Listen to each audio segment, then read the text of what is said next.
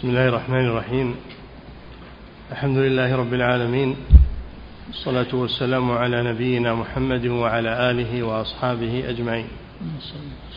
أما بعد قال المؤلف رحمه الله تعالى وقال الحافظ محمد بن عبد الهادي في رده على السبكي في قوله بسم الله الرحمن الرحيم. الحافظ محمد بن عبد الهادي من تلاميذ شيخ الإسلام ابن تيمية وهو الذي كتب ترجمة مطولة لشيخ الإسلام ابن تيمية. وكان له نشاط في الرد على المخالفين في أمر العقيدة. نعم. وقال الحافظ محمد بن عبد الهادي في رده على السبكي. نعم كتابه الرد على السبكي. السبكي ألف كتابا في مشروعية شد الرحل لزيارة قبر الرسول صلى الله عليه وسلم. وأورد فيها أو حشد فيها من الأحاديث ما هب ودب حاطب ليل فابن عبد الهادي رد عليه رد عليه في هذا الكتاب بكتاب اسمه الصارم المنكي في الرد على السبكي وهو مطبوع ومتداول. نعم.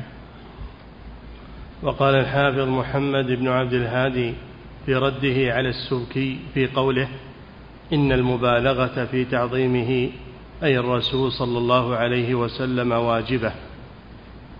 قال إن أريد بها المبالغة بحسب ما يراه كل أحد تعظيما حتى الحج إلى قبره والسجود له والطواف به واعتقاد أنه يعلم الغيب وأنه يعطي ويمنع ويملك لمن استغاث به من دون الله الضر والنفع وأنه يقضي حوائج السائلين ويفرج كربات المكروبين وأنه يشفع في من شاء ويدخل الجنة من شاء.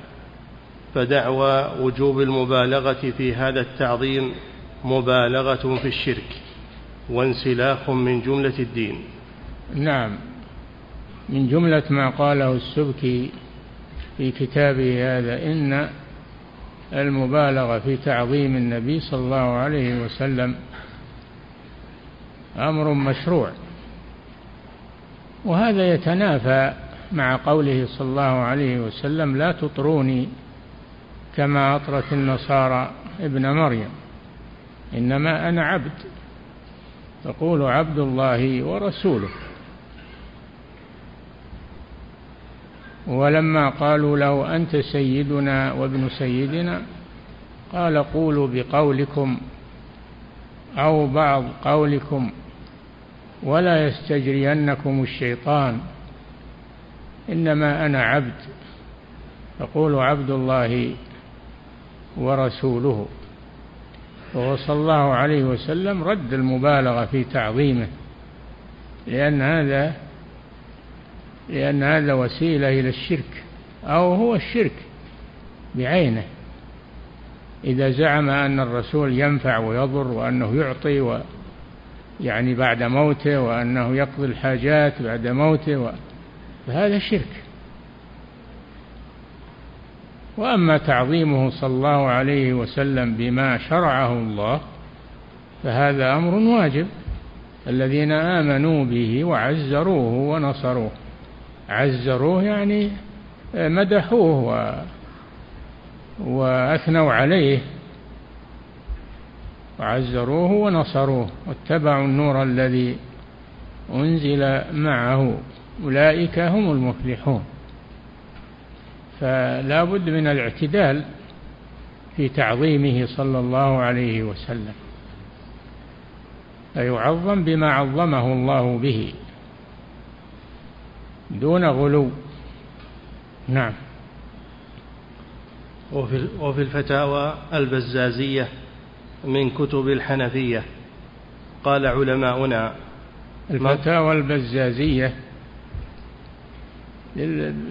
للبزاز الحنفي فهو أيضا ممن أنكر هذا الشيء كما يأتي. نعم.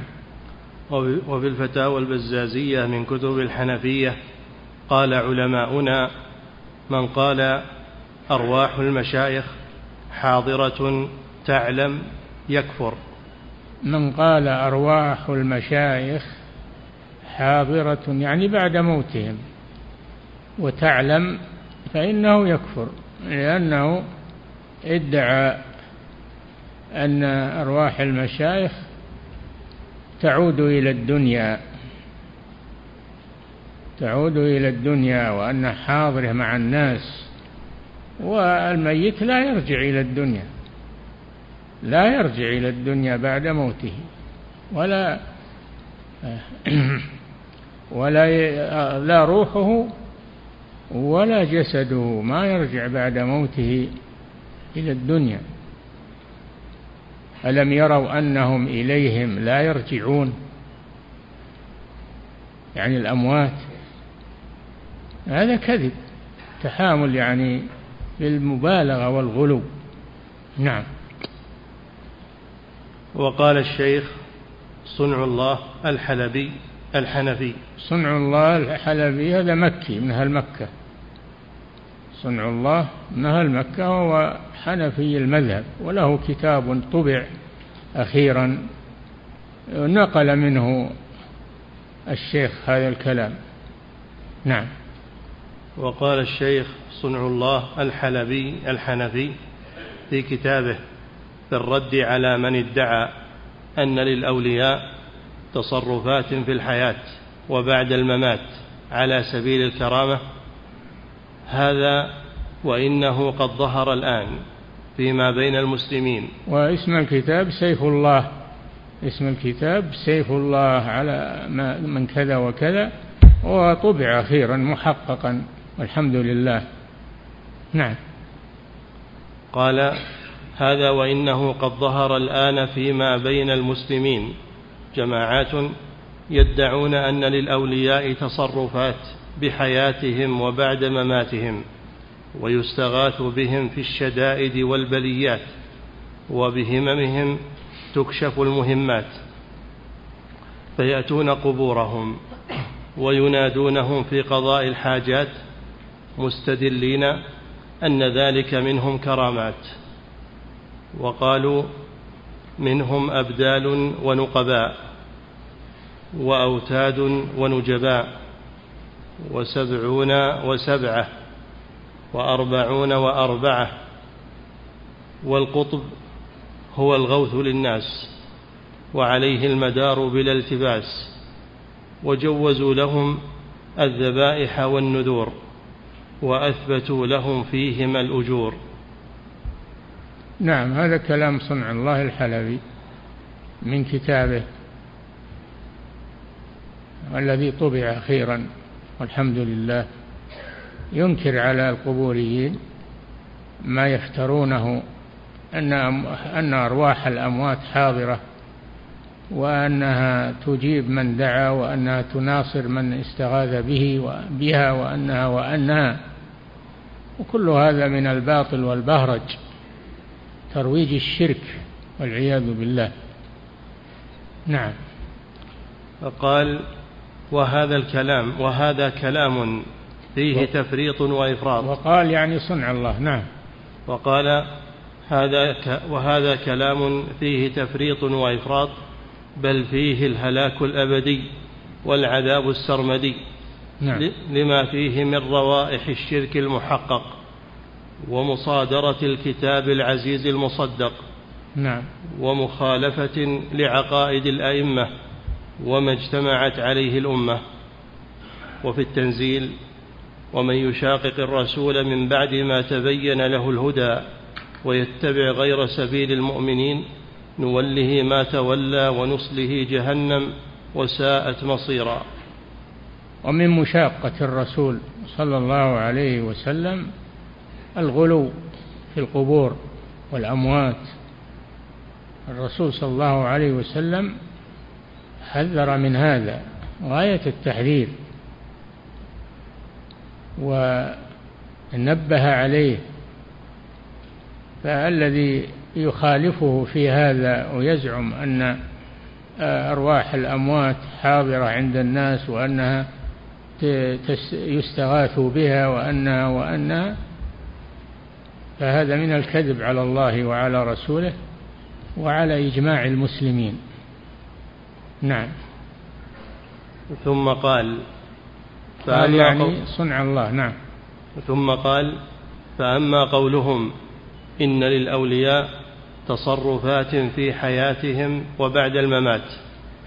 فيرده قوله تعالى أإله مع الله؟ نعم. قولهم إن للأموات للأولياء تصرفات في حياتهم وبعد مماتهم. تصرفات يعني في الكون فهذا ادعاء أن مع الله إلها آخر يتصرف معه في الكون. تعالى الله عن ذلك. نعم. فيرده قوله تعالى إله مع الله؟ وقوله ألا له الخلق والأمر. ألا له الخلق والأمر. الخلق لا أحد يخلق مع الله عز وجل. الله انفرد بالخلق تحدى العالم كله إن الذين تدعون من دون الله لن يخلقوا ذبابا ولو اجتمعوا له. وإن يسلبهم الذباب شيئا لا يستنقذوه منه. ضعف الطالب والمطلوب.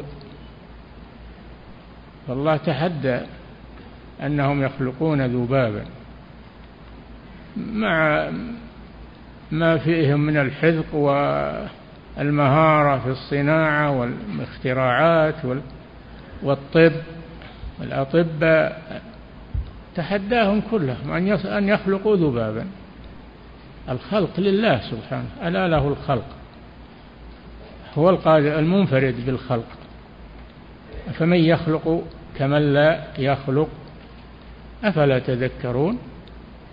فالله انفرد بالخلق وانفرد بالأمر الذي هو الشرع. انفرد بالأمر الذي هو الشرع. الشرع هو ما شرعه الله وليس لأحد أن يشرع مع الله عز وجل. والرسول مبلغ عن الله. الرسول عليه الصلاة والسلام مبلغ عن الله. وأما المشرع فهو الله. سبحانه وتعالى. ألا له الخلق والأمر. قال ابن عمر عند هذه الآية من له شيء فليطلبه. ما بقي شيء. الخلق والأمر لله. إذا ما بقي شيء. نعم. وقوله ألا له الخلق والأمر وقوله لله ملك السماوات والأرض. لله ملك السماوات والأرض.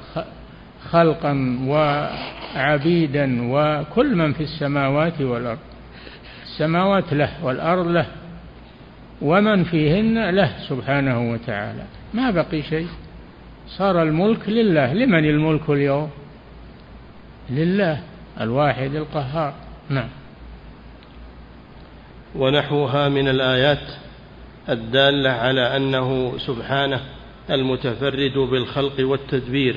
نعم. والتصرف والتقدير ولا شيء لغيره في شيء ما بوجه من الوجوه فالكل فالكل تحت ملكه وقهره تصرفا وملكا وإحياء وإماتة وخلقا. الله جل وعلا قال والله خلقكم وما تعملون. فالله خلق الإنسان وخلق عمله. خلق عمله. فجميع الخلق من خصائص الله سبحانه وتعالى. نعم. وتمد وتمدح وتمدح الرب تمدح تمدح. وتمدح الرب تبارك وتعالى بانفراده بملكه في آيات من كتابه كقوله تعالى هل من خالق غير الله؟ هل من خالق غير الله؟ يعني لا أحد. هل هذا هذا استفهام مقصود به النفي؟ هل أحد يجيب ويقول نعم هناك خالق؟ ما ما قال أحد نعم هناك خالق مع الله. دل على أن الله هو المنفرد سبحانه وتعالى. نعم. وتمدح الرب تبارك وتعالى بانفراده بملكه في آيات من كتابه كقوله تعالى هل من خالق غير الله؟ وقوله يرزقكم من السماء والأرض. نعم. وقوله والذين تدعون من دونه ما يملكون من قطمير إن تدعوهم لا يسمعوا دعاءكم ولو سمعوا ما استجابوا لكم ويوم القيامة يكفرون بشرككم ولا ينبئك مثل خبير. نعم. هذه الآية يقول الله جل وعلا قل ادعوا, قل ادعوا الذين زعمتم من دون الله لا يملكون مثقال ذرة في السماوات ولا في الأرض وما له فيهما من شرك وما له منهم من ظهير ولا تنفع الشفاعة عنده إلا لمن أذن له. ما بقي شيء لأحد. كل الملك لله سبحانه وتعالى. وهذه الآية التي ذكرها نعم. والذين تدعون من دونه والذين تدعون من دونه يعني الآلهة التي يعبدها المشركون ما يملكون من قطمير. والقطمير هو السلب الذي يكون في ظهر النواة. النقير والقطمير. النقير هو المذبح الذي في ظهر النواة والقطمير هو السلب الذي يكون فيه. ما أحد يملك للخلق إذا دعوه أو طلبوا منه يملك قطمير. أضعف شيء وأقل شيء وأتفه شيء إلا من ملكه الله سبحانه وتعالى. نعم. وذكر آيات في هذا المعنى ثم قال فقوله في الآيات كلها من دونه أي من غيره؟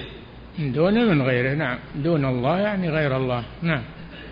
أي من غيره فإنه عام يدخل فيه من اعتقدته من ولي وشيطان تستمده فإن من لم يقدر على الذين من دونه كل كل المخلوقات كل المخلوقات كلها من دون الله سبحانه وتعالى غير الله جل وعلا. لا تملك شيئا إلا ما ملكها الله إياه. نعم. فإن من لم يقدر على نصر نفسه كيف يمد غيره؟ إلى أن قال لا ينصرونك لا لا ينصرون من دعاهم ولا ينتصرون ممن ممن أصابهم. الآلهة هذه ما ما تنصر ولا تنتصر. لو أصابها شيء ما ما تحمي نفسها منه. فكيف تدعى من دون الله عز وجل؟ نعم. إلى أن قال إن هذا لقول وخيم. قال يعني صنع الله الحلبي. نعم. إلى أن قال إن هذا لقول وخيم وشرك عظيم إلى أن قال وأما القول بالتصرف بعد الممات فهو أشنع وأبدع من القول بالتصرف في الحياة. نعم القول بالتصرف بعد الممات مستحيل. الميت ما يتصرف بعد الموت. إذا مات الإنسان انقطع عمله. إذا مات الإنسان أي إنسان انقطع عمله بالموت. ما إلا من ثلاث قدمها في حياته. قدمها في حياته يستمر نفعها له بعد موته صدقة جارية أو ولد صالح يدعو له أو علم ينتفع به. وأما هو عمله انتهى وانقطع. نعم. وأما القول بالتصرف بعد الممات فهو أشنع وأبدع من القول بالتصرف في الحياة تصرف الحياة ممكن من بعضه لكن التصرف بعد الممات هذا مستحيل في, في أقل شيء. نعم. وأما القول بالتصرف بعد الممات فهو أشنع وأبدع من القول بالتصرف في الحياة. قال جل ذكره إنك ميت وإنهم ميتون. قال لرسوله صلى الله عليه وسلم إنك ميت وإنهم ميتون ثم إنكم يوم القيامة عند ربكم تختصمون. الرسول ميت عليه الصلاة والسلام. ميت يقال لمن سيموت أما ميت هذا يقال لمن مات بالفعل. أما من سيموت هذا يقال له ميت. إنك ميت وإنهم ميتون. نعم.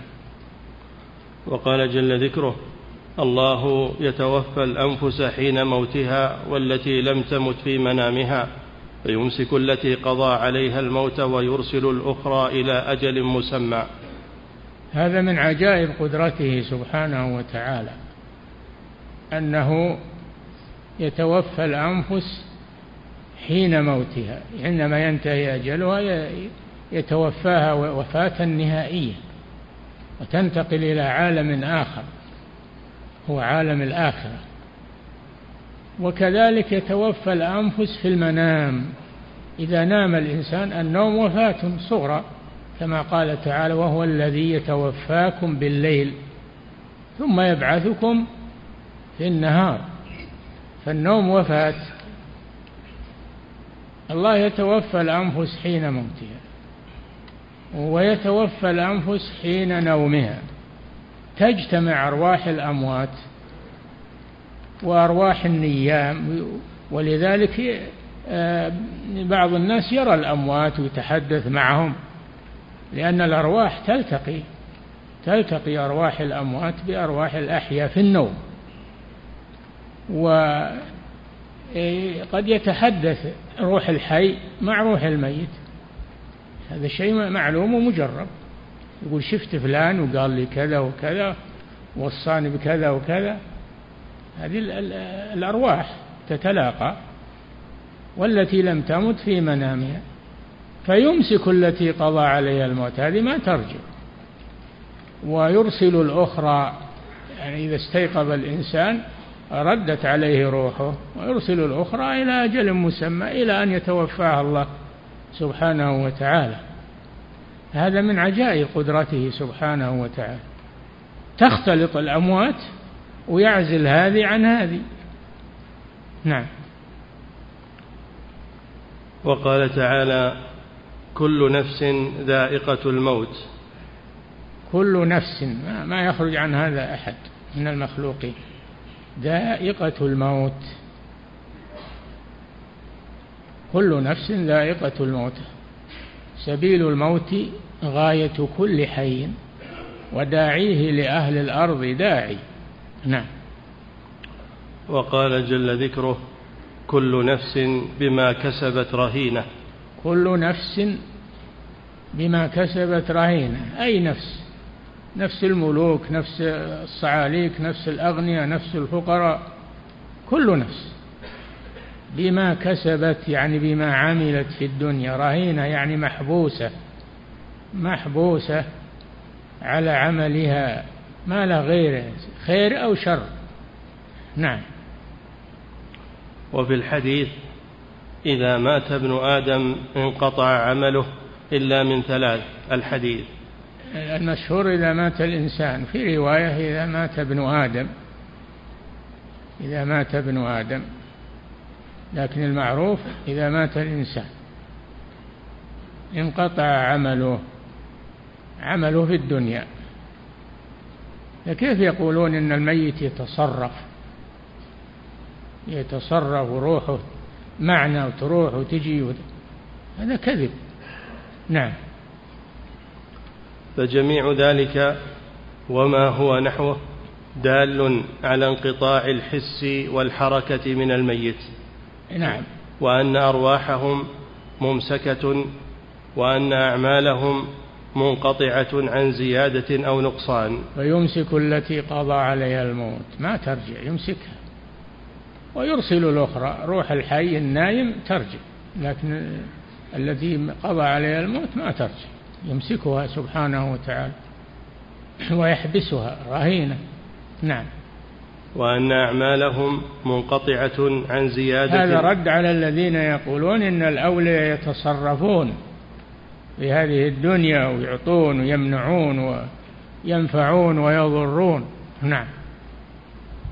وأن أعمالهم منقطعة عن زيادة أو نقصان. ما ختمت أعمالهم. ختمت أعماله. إذا مات الإنسان ختم عمله خير أو شر. ما يزاد فيه ولا ينقص. نعم. فدل ذلك على أن ليس للميت تصرف في ذاته. فضلا عن غيره. ليس له تصرف في ذاته يعني في نفسه. محبوس ما يستطيع. فكيف يتصرف لغيره ويعطي ويمنع كما يدعون إن الأموات ينفعون ويضرون ويعطون ويمنعون وإلى آخره. نعم هذا من الكذب ومن المحال. نعم. فدل ذلك على أن على أن ليس للميت تصرف في ذاته. على؟ على أنه ليس للميت على أنه نعم صح. على أنه ليس للميت تصرف في ذاته فضلا عن غيره فإذا عجز عن حركة نفسه فكيف يتصرف في غيره؟ أي نعم الميت محبوس مرتهن لا يتحرك فكيف ي... فكيف يتصرف مع غيره وينصر غيره ويعطيه كما يقولون الذين يعبدون الأموات يتعلقون بالأموات. نعم. فإذا عجز عن حركة نفسه فكيف يتصرف في غيره؟ فالله سبحانه يخبر أن الأرواح عنده وهؤلاء الملحدون يقولون إن الأرواح مطلقة متصرفة. قل أأنتم أعلم أم الله؟ نعم الله أخبر أن الأرواح ممسكة عنده يمسك التي قضى عليها الموت. كل نفس بما كسبت رهينه هم يقولون لا الأرواح معنى وتسرح وتمرح وتصرف وتعطي وتمنع إلى آخره. نعم. وهؤلاء فالله سبحانه يخبر أن الأرواح عنده وهؤلاء الملحدون يقولون إن الأرواح مطلقة متصرفة قل أأنتم أعلم أم الله؟ وقال الله أعلم بخلقه سبحانه أما أنتم لا تعلمون. الإنسان ما يعلم داخل نفسه ولا يعلم أعضاءه الدقيقة ولا يعلم عروقه التي فيه لا يحيط بجسمه. كيف يعلم الأمور الأخرى. ما يعلم الروح اللي فيه ما هي حقيقة الروح؟ هل تحرك وتمشي وتروح؟ ما هي حقيقتها؟ ما أحد يعرف. إلا الله سبحانه وتعالى. نعم. وقال وقال وأما اعتقادهم أن وقال؟ وقال يعني صنع الله. نعم. وأما اعتقادهم أن هذه التصرفات لهم من الكرامات فهو من المغالطة. تصرف يقولون هذه كرامات لهم هذه كرامات لهم كرامات لهم يكونون يتصرفون مع الله. هذه كرامات. الكرامات هذه في الدنيا للأولياء وهي ما خوارق العادات. التي تجري على يد ولي من أولياء الله هذه قال له كرامة. كرامات الأولياء. ما ينكرها إلا المعتزلة. قد يكون هناك أولياء لهم كرامات في الدنيا وهذه الكرامات لا تقتضي أنهم يعبدون مع الله إنما هي إكرام من الله لهم فقط. نعم. وأما اعتقادهم أن هذه التصرفات لهم من الكرامات هذه ف... ليست من الكرامات كما يزعمون. الميت ما له كرامات انقطعت قطعت كراماته له كرامات يوم حي لكن بعد موته ما له كرامات. نعم. وأما اعتقادهم أن هذه التصرفات لهم من الكرامات فهو من المغالطة. نعم. لأن الكرامة شيء من عند الله يكرم به أولياءه. شيء من عند الله. ما لك ما, ما للمخلوق فيه تصرف. ما أحد يجعل له كرامة. لا الله يجعلها له. الله هو الذي يجعلها له. نعم. لأن الكرامة شيء من عند الله الخارق للعادة. الخارق للعادة. إن كان على يد نبي فهو معجزة وإن كان على يد ولي فهو كرامة وإن كان على يد كافر فهي خارق شيطاني. ليست معجزة ولا كرامة وإنما هي عمل شيطاني. نعم. لأن الكرامة شيء من عند الله يكرم به أولياءه لا نعم. قصد لهم فيه ولا تحدي نعم. ولا قدرة ولا علم. إنما هي من عند الله جل وعلا. ما هم هم اللي يصنعونها الله هو اللي يخلقها لهم. نعم. كما في قصة مريم بنت عمران. قصة مريم كلما دخل عليها زكريا المحراب وجد عندها رزقا. المحراب يعني المصلى اللي تصلي فيه يسمى محراب. ما هو بالمحراب اللي تعرفون هذا. لا محراب مصلى. كل مصلى يسمى محراب.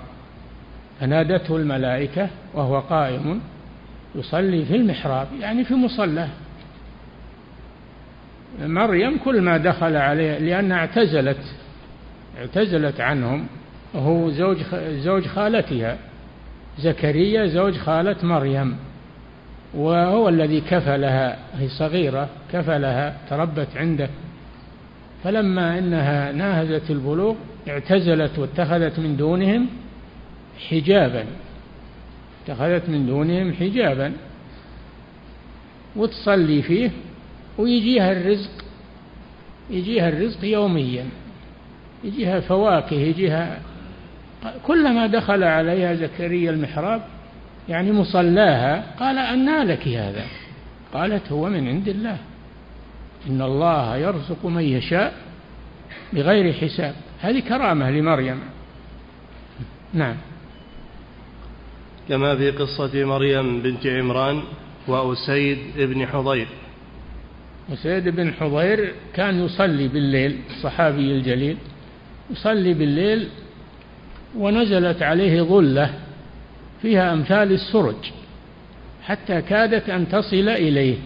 فعندها الفرس مربوطة فجالت الفرس جالت ما يدري وش اللي جاه وناظر هذه التي نزلت فيها السرج ويعني الرجل تحير ما يدري وش هذا. فلما أصبح غدا إلى رسول الله صلى الله عليه وسلم وسأله قال هذه الملائكة تستمع لقراءتك. ولو أصبحت تقرأ لأصبحت معك. هذه ملائكة تنزل تستمع القرآن كان يصلي ويقرأ رضي الله عنه. نعم. وأسيد بن حضير وأبي مسلم الخولاني. هذا من الأولياء. أبو مسلم الخولاني من الأولياء. نعم. قال وأما قولهم فيستغاث بهم في الشدائد قال يعني صنع الله الحلبي. نعم.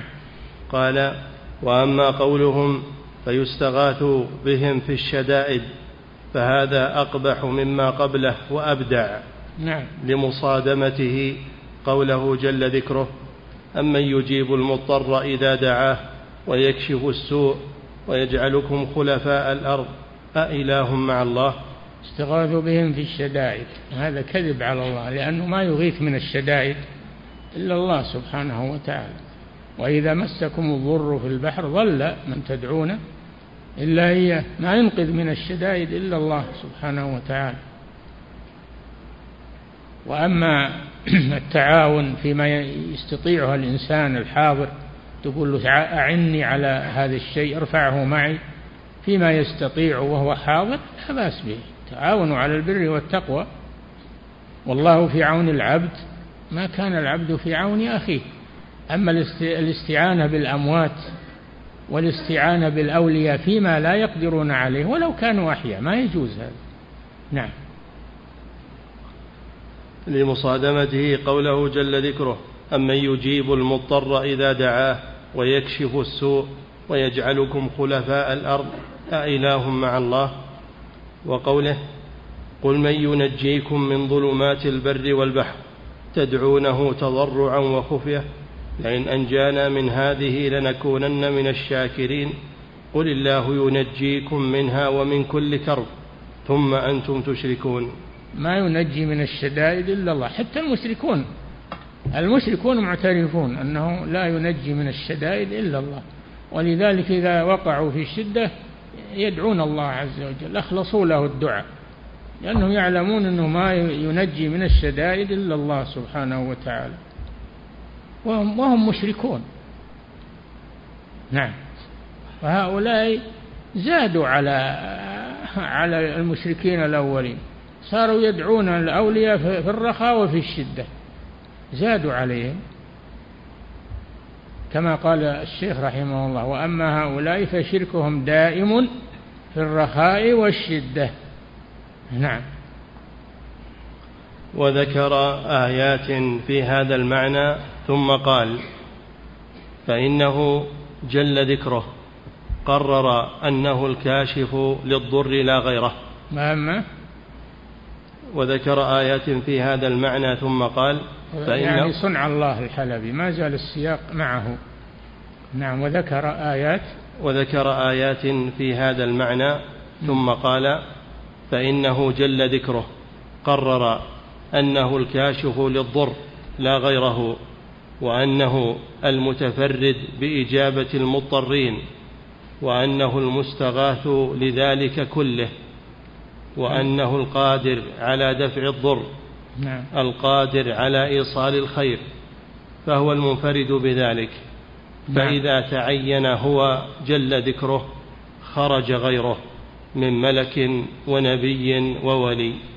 أي نعم. إذا كان لا ينقذ من الشدائد إلا الله فإنه لا ينقذ أيضا من كل الأمور إلا الله سبحانه وتعالى. ولهذا لما فتح النبي صلى الله عليه وسلم مكة المشرفة فعكرمة بن أبي جهل فر فر من مكة ما يريد يواجه الرسول وركب في البحر يبي يهد فقال أصابهم يعني موج قالوا أخلصوا أخلصوا قال كيف؟ وش معنى أخلصوا؟ قال أخلصوا لأنه ما ينفع بهذه الشدائد إلا الله. قال هذا الذي الذي فررت منه. إذا كان لا ينقذ منها الشدائد إلا الله فإنه لا أيضا يأتي بالرخاء والخير إلا الله سبحانه. رجع وبايع الرسول صلى الله عليه وسلم. عكرمة بن أبي جهل رضي الله عنه. نعم. فإذا تعين هو لما قالوا له أخلصوا استيقظ ضميره. نعم. فإذا تعين هو جل ذكره خرج غيره من ملك ونبي وولي. نعم. قال والاستغاثة تجوز في الأسباب الظاهرة العادية نعم الاستغاثة بالمخلوق فيما يقدر عليه الحي الحاضر المخلوق فيما يقدر عليه لا بأس بها. كما قال جل وعلا في قصة موسى فاستغاثه. الذي من شيعته يعني من بني إسرائيل على الذي من عدوه على القبطي الذي من قوم فرعون. فاستغاثه الذي من شيعته على الذي من عدوه فوكزه موسى فقضى عليه. اضربوا ضربه ومات قضى عليه لأن موسى قوي عليه الصلاة والسلام. وكزه وكزه بجمعه فقضت عليه. فالشاهد في قوله استغاثة هذا شيء يقدر عليه الإنسان. يستغاث به فيما يقدر عليه. نعم. قال والاستغاثة تجوز في الأسباب الظاهرة العادية من الأمور الحسية. والاستغاثة تجوز في الأسباب الظاهرة العادية من الأمور الحسية. أي نعم. في قتال أو إدراك عدو.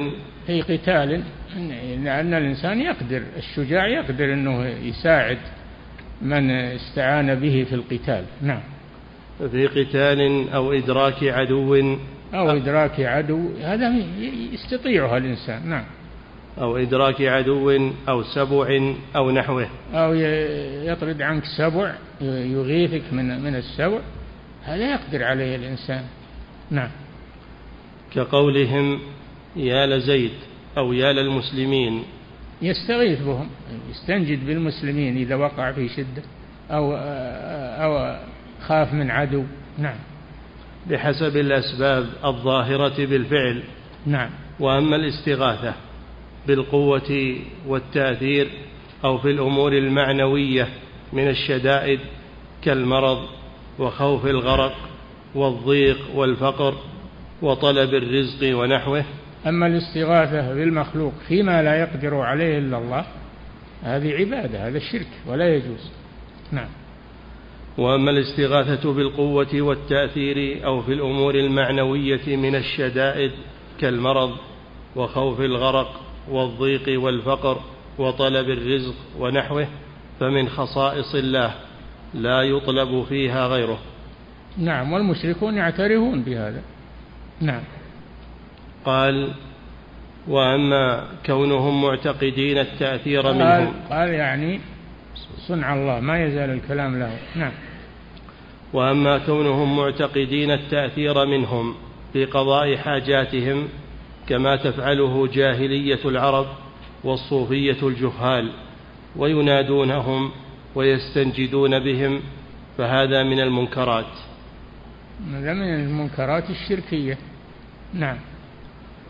فمن اعتقد أن لغير الله من نبي أو ولي أو روح أو غير ذلك في كشف كربة أو قضاء حاجة تاثيرا فقد وقع في واد جهل خطير. نعم. فهو على شفا حفرة من السعير. نعم. وأما كونهم مستدلين على أن ذلك منهم كرامات فحاش وأما وأما كونهم مستدلين على أن ذلك منهم كرامات فحاشا لله أن تكون أولياء الله بهذه المثابة. فهذا ظن أهل الأوثان. كذا أخبر الرحمن هؤلاء شفعاؤنا عند الله. يدعون من دون الله ويعبدون من دون الله ما لا يضرهم ولا ينفعهم ويقولون هؤلاء شفعاؤنا. عند الله. يعبدونهم ويقولون هؤلاء يشفعون لنا عند الله. نعم. وأما كونهم مستدلين على أن ذلك منهم كرامات فحاشا لله أن تكون أولياء الله بهذه المثابة. فهذا ظن أهل الأوثان. كذا أخبر الرحمن هؤلاء شفعاؤنا عند الله. وقوله ما نعبدهم إلا ليقربونا إلى الله زلفى. والذين اتخذوا من دونه أولياء ما نعبدهم. يقروا أنهم يعبدونهم ما نعبدهم إلا ليقربونا إلى الله زلفى.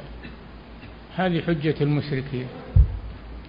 إحنا نعرف أنهم مخلوقين وأنهم لكن هم لهم جاه ولهم صلاح وعبادة. نبيهم يقربوننا إلى الله ويشفعون لنا عند الله. طيب يشفعون لكم وأنتم تعبدونهم. اتخذتموهم شركاء مع الله. نعم. وقوله أأتخذ من دونه آلهة؟ إن يردني الرحمن بضر لا تغن عني شفاعتهم شيئا ولا ينقذون. هذا صاحب ياسين الذي قال يا قوم اتبع اتبعوا المرسلين. اتبعوا من لا يسألكم أجرا وهم مهتدون. وما لي لا أعبد الذي فطرني وإليه ترجعون. أتخذ من دونه آلهة؟ إن يردني الرحمن بضر لا تغني عني شفاعتهم شيئا ولا ينقذون. إني إذا في ضل... لفي إني إذا لفي ضلال مبين. نعم. إني آمنت بربكم فاسمعون. قيل ادخل الجنة. نعم. وقوله أأتخذ من دونه آلهة؟ إن يردني الرحمن بضر لا تغن عني شفاعتهم شيئا ولا ينقذون. نعم. فإن ذكر ما ليس من شأنه النفع ولا دفع الضر من نبي وولي وغيره على وجه الإمداد منه إشراك مع الله إذ لا قادر على الدفع غيره ولا خير إلا خيره. نعم. قال قال ما يزال الكلام لصنع الله. نعم. وأما ما قالوا إن منهم أبدالا ونقبا وأوتادا ونجبا وسبعين وسبعة وأربعين وأربعة والقطب هو الغوث للناس فهذا من موضوعات إفكهم. موضوعات إفك كذب يعني كله كذب. نعم. فهذا من موضوعات إفكهم كما ذكره القاضي المحدث أبو بكر ابن العربي في سراج المريدين وابن الجوزي وابن تيمية انتهى باختصار. انتهى من كتاب صنع الله الحلبي. وقلت لكم أنه طبع أخيرا محققا والحمد لله. نعم.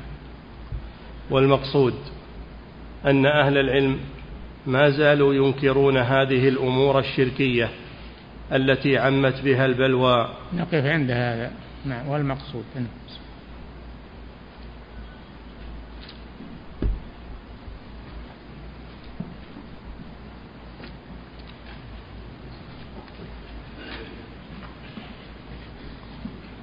فضيلة الشيخ وفقكم الله يقول السائل الاستغاثة بالحي الحاضر فيما يقدر عليه لا بأس بها.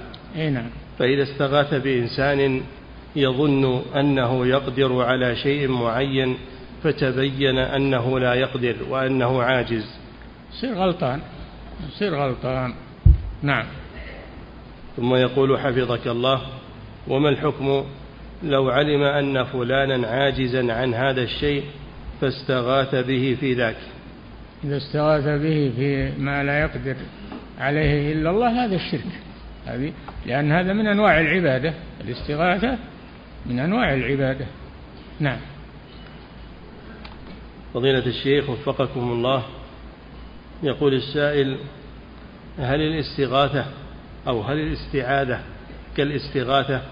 فيجوز يقول هل هل الاستعاذة كالاستغاثة؟ فيجوز أن يستعيذ لا الاستعاذة هي اللجوء إلى من يحميك ويحفظك الاستعاذة بالله عز وجل. وأما الاستغاثة فهي في الشدائد الاستعاذة ما هو لازم تكون في شدة. نعم. فضيلة الشيخ وفقكم الله يقول السائل ورد في الحديث القدسي من عادى لي وليا فقد آذنته بالحرب. وفي قوله سبحانه وتعالى ألا إن أولياء الله لا خوف عليهم ولا هم يحزنون سؤاله من هم أولياء الله وكيف يستطيع المسلم أن يكون منهم؟ يا أخي واضح هذا الله ذكر من هم أولياء الله الذين آمنوا وكانوا يتقون فكل مؤمن تقي فهو ولي لله سبحانه وتعالى. بهذين الشرطين مؤمن تقي. يكون ولي لله عز وجل. نعم. فضيلة الشيخ وفقكم الله. يقول السائل هناك من يدعي بعض الكرامات ومن ينسب إليه أن ما يفعله كرامة. فكيف أفصل؟ هو شف, هو شف أي واحد عنده كرامة أو خارق عادة انظر إلى عمله فإن كان مؤمنا صادقا فهذه إعانة من الله وهي كرامة. أما إن كان آه، كافرا أو زنديقا أو ساحرا أو فهذه إهانة من الله خارق شيطاني ليضله ليضله بذلك. نعم. فأنت تنظر إلى عمله لا تنظر إلى الخارق الذي معه. انظر إلى عمله. هل هو صالح ولا ما هو صالح؟ نعم. فضيلة الشيخ وفقكم الله يقول السائل إذا قلت لشخص ولا هم قد يطيرون في الهواء ويمشون على الماء؟ لأن الشياطين تخدمهم وتحملهم في الهواء تحملهم على الماء. قد يدخلون في النار ويدخلون في النار لأن يتخذون حيل تمنع حر النار عنهم أو أن الشياطين تحملهم آه، عن النار أو أنهم يعملون قمرة يروجون على بصر كأنهم دخلوا النار وهم ما دخلوها. إنما هذه قمرة عملوها سحر نوع من السحر. فلا تصدقهم عند هذه الأمور. تثبت. نعم. فضيلة الشيخ وفقكم الله يقول السائل إذا قلت لشخص أنا أعتمد عليك يا فلان بأن توقظني من النوم لأجل الصلاة أو غير ذلك فهل يعد هذا من الاستعانة بغير الله؟ هذا استعانة بشيء يقدر عليه ذلك المخلوق يقدر يوقظك للصلاة يا أخي. ما في بأس. تعاونوا على البر والتقوى. والله في عون العبد ما كان العبد في عون أخيه. نعم. فضيلة الشيخ وفقكم الله. يقول السائل هل رد السلام من الرسول صلى الله عليه وسلم عند صلاتنا عليه؟ هل هو أمر حسي أم أمر معنوي؟ من أمور البرزخ هذه من أمور البرزخ التي لا يعلمها إلا الله لكن نؤمن بها كما صح بها الخبر. وإن كنا لا نشاهدها هذه من أمور الغيب من أمور البرزخ والقبر. نعم. فضيلة الشيخ وفقكم الله يقول ذكر المصنف رحمه الله نقلا عن الفتاوى البزازية وفيها قال علماؤنا من قال أرواح المشايخ حاضرة تعلم يكفر يقول هل يدل هذا على أن هذه المسألة من الأمور الظاهرة؟ التي لا تحتاج إلى تعريف ومراجعة لأنه أطلق فيها الكفر. أي نعم يقول أرواح المشايخ يعني الأموات أرواح المشايخ يعني الأموات. والأرواح عموما الأرواح ما نشاهدها ولا نشوف تصرفاتها ولا نشوف. هذا كذب. الأرواح, الأرواح من عالم الغيب الذي لا يعلمه إلا الله والله هو الذي يرسلها ويقبضها و ما الأرواح ما لنا فيها ما لنا فيها إحاطة. نعم. فضيلة الشيخ وفقكم الله بقوله صلى الله عليه وسلم إذا مات الإنسان انقطع عمله إلا من ثلاث وذكر منها أو علم ينتفع به هل المقصود العلوم الشرعية فقط أم كافة العلوم؟ لا الشرعية العلم إذا أطلق إذا أطلق العلم يراد به العلم الشرعي. أما العلم الصناعة هذا يقيد. قال علم الهندسة علم الطب علم كذا. ما يطلق كذا ويقال العلم. لا العلم هذا الشرع. نعم. فضيلة الشيخ وفقكم الله بقوله سبحانه وتعالى ومن يشاقق الرسول من بعد ما تبين له الهدى ويتبع غير سبيل المؤمنين الآية. يقول كيف استدل بها العلماء على أن الإجماع حجة؟ ويتبع غير سبيل المؤمنين هذا إجماع. هذا الإجماع سبيل المؤمنين هو الإجماع. نعم.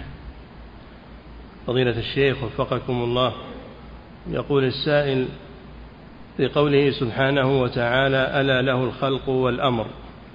يقول في بعض التفاسير أن الواو هنا للعطف. وليست للمغايرة فهل هذا يؤثر في العقيدة؟ أه، ما هو التفسير اللي من هو اللي ذكر هذا؟ ما ذكر ها؟ ما ذكر أحدا. أو كل التفاسير موثوقة. نعم. فضيلة الشيخ وفقكم الله يقول السائل ما السبب أن الكرامات وأن وجود الأولياء إنما يكثر في القرون الماضية وقرون السلف وأما في العصور الحديثة فهم قليل. من قال هذا؟ ما ما نعلم الغيب. موجود كرامات وموجود أولياء وقد لا نعلمهم. الله يعلم. نعم. فضيلة الشيخ وفقكم الله في قوله صلى الله عليه وسلم إذا مات الإنسان انقطع عمله إلا من ثلاث يقول هل هذه الثلاث تزيد في عمله بعد موته؟ انقطع عمله إلا من ثلاث يعني أجره أجره يستمر بهذه الثلاث نعم. فضيلة الشيخ يستمر بعد موته نعم. فضيلة الشيخ وفقكم الله. فالصدقة الجارية هي الوقف والوقف يستمر يصرف من ريعه في وجوه الإحسان. الولد الصالح ما دام حي يدعو له يستمر. العلم النافع هذا يستمر ولا ينقطع. هو أحسن الأمور الثلاثة. أو علم ينتفع به هذا يستمر ولا ينقطع. نعم. فضيلة الشيخ وفقكم الله. وكذلك يعني يشمل إذا كان له تلاميذ علمهم العلم النافع وهم علموا وعلم تلاميذهم علموا يرجع الفضل لله ثم للأول. وكذلك إذا ألف كتبا ينتفع بها هذا يستمر. أو له كلام طيب يروى عنه وينتفع به. نعم. فضيلة الشيخ وفقكم الله ما الجمع بين قوله سبحانه وتعالى وأن ليس للإنسان إلا ما سعى وبين هذا الحديث إذا مات الإنسان لا تعارض بينهما هذا مخصص. الحديث هذا مخصص للعموم. نعم. لا تعارض بين عام وخاص. نعم. فضيلة الشيخ وفقكم الله يقول القول بأن أرواح الأموات تلتقي بأرواح الأحياء عند موتهم ونومهم يقول ألا يقال بأن هذا من علم الغيب الذي يحتاج إثباته إلى دليل سمعي؟ سبحان الله ما تسمع الآية؟ الله يتوفى الأنفس حين موتها والتي لم تمت في منامها. تجتمع الأرواح أرواح الأموات وأرواح النوام. فيمسك التي قضى عليها الموت ويرسل الأخرى اللي هي نايمة واستيقظت. اقرأ الآية يا أخي. نعم. تقول تطلب دليل والآية معك. نعم. فضيلة الشيخ وفقكم الله الأبدال والنقباء والأوتاد والنجباء هل الذي يقول بهذه الألفاظ هم الصوفية؟ اللي يبالغون فيها هم الصوفية وأصلها موجود لكن من غير مبالغة ومن غير غلو ومن غير تعلق بهم. نعم.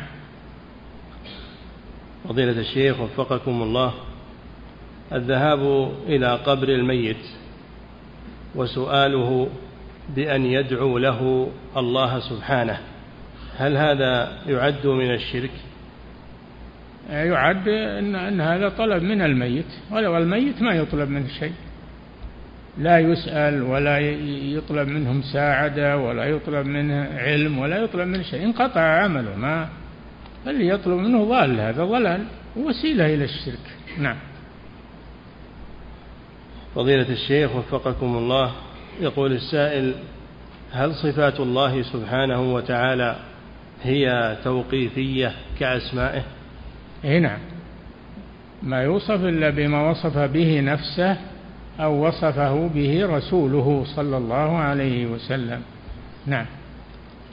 فضيلة الشيخ وفقكم الله يقول السائل إذا استغاث برجل حي قادر لكنه غير حاضر فهل إذا استغاث برجل حي قادر لكنه غير حاضر؟ ما يجوز هذا. يصير هذا شرك. استغيث بالغائبين هذا يصير من الشرك. لأن الغائب ما يدري عنك ولا يستطيع يساعدك وهو غايب نعم. فضيلة الشيخ وفقكم الله يقول السائل إذا قرأ الإنسان القرآن ثم جعل ثوابه إلى الميت فهل يصله هذا الثواب؟ هذا ما ورد. ما ورد أنه يقرأ للأموات. ما ورد هذا. يعتبرون هذا من البدع. نعم. فضيلة الشيخ وفقكم الله من الأعمال التي لا تنقطع وردت في الحديث أو ولد صالح يدعو له هل يمتد هذا لأجيال وإن نزل كأولاد أولاد الأولاد إلى آخره؟ ولد صالح يدعو له ولدك ولد ولدك ولد ولد ولد كلهم أولادك. نعم.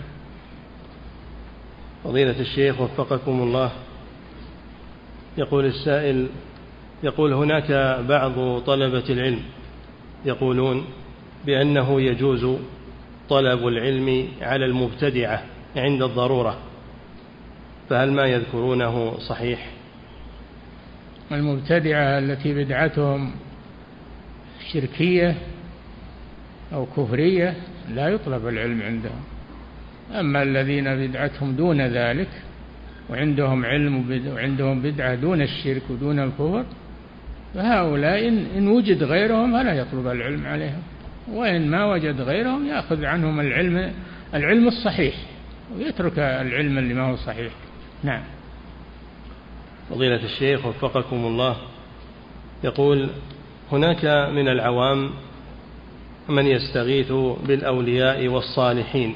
هناك؟ من العوام من يستغيث بالأولياء والصالحين. فهل يعذر بجهله في هذا الأمر؟ الشرك ما في عذر لأنه واضح في القرآن.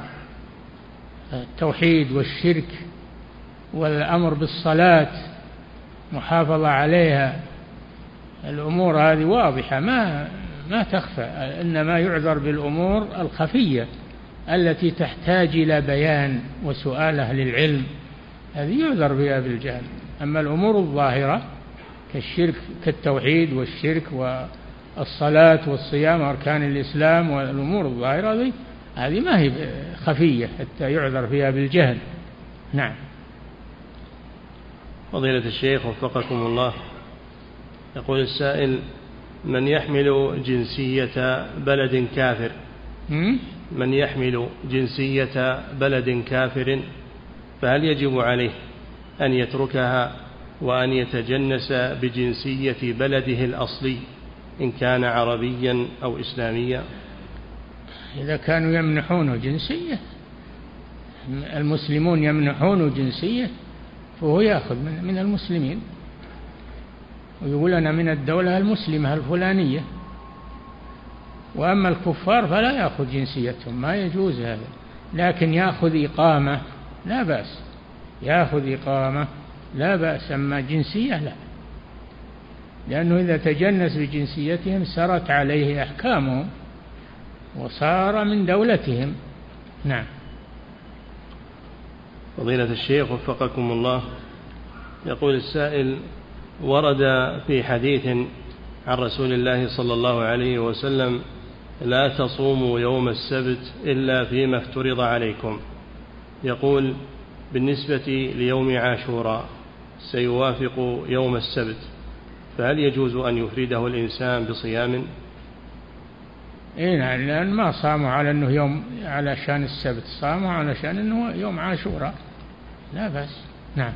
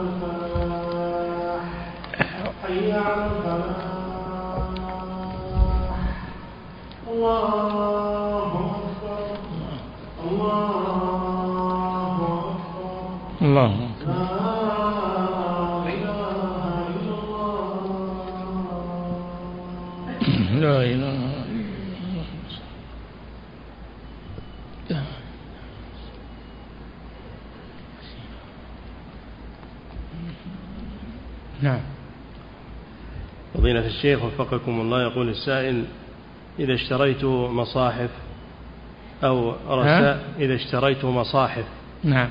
أو رسائل ومطويات أو كتب فيها علم ثم قمت بتوزيعها هل يدخل هذا في حديث أو علم ينتفع به؟ نعم يدخل.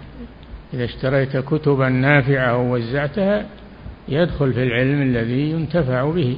نعم. فضيلة الشيخ وفقكم الله. يقول إذا سمع المسلم الأذان عن طريق الراديو فهل يجيبه ويردد وراءه؟ إن كان أذان حي يجيبه أما إن كان مسجل لا. نعم. فضيلة الشيخ وفقكم الله.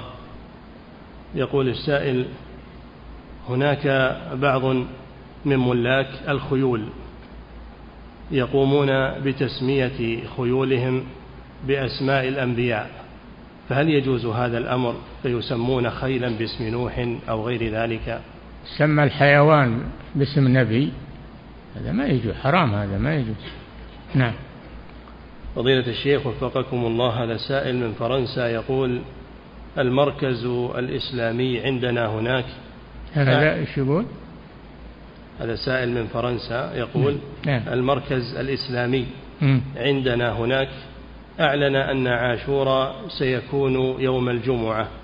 يقول هل نتبع المركز فنصوم عاشوراء على أنه الجمعة أو نتبع المملكة؟ اتبعوا البلد الذي أنتم فيه. اتبعوا المسلمين في البلد الذي أنتم فيه. نعم. فضيلة الشيخ وفقكم الله يقول السائل اشتريت أرضا يقول اشتريت أرضا لأجل أن تمسك مالي ولا يذهب. يقول هل يجب علي الزكاة إذا مر حول؟ لا إذا ما إنك تبيها عقار مجرد عقار يمسك مالك ولا تنويها للبيع ليس فيها زكاة. نعم. فضيلة الشيخ وفقكم الله يقول السائل أعطاني أحد التجار مالا لأقوم بعمل خير سماه لي لكنني صرفته في عمل آخر دون علمه وكذلك أخذت أتعابي لأجل مكالمتي معه. فهل يجوز لي ذلك؟ لا ما يجوز لك ذلك إلا بإذنه. ما يجوز تتصرف إلا فيما أذن لك به. الوكيل مقيد بما ما وكل فيه. نعم. فضيلة الشيخ وفقكم الله.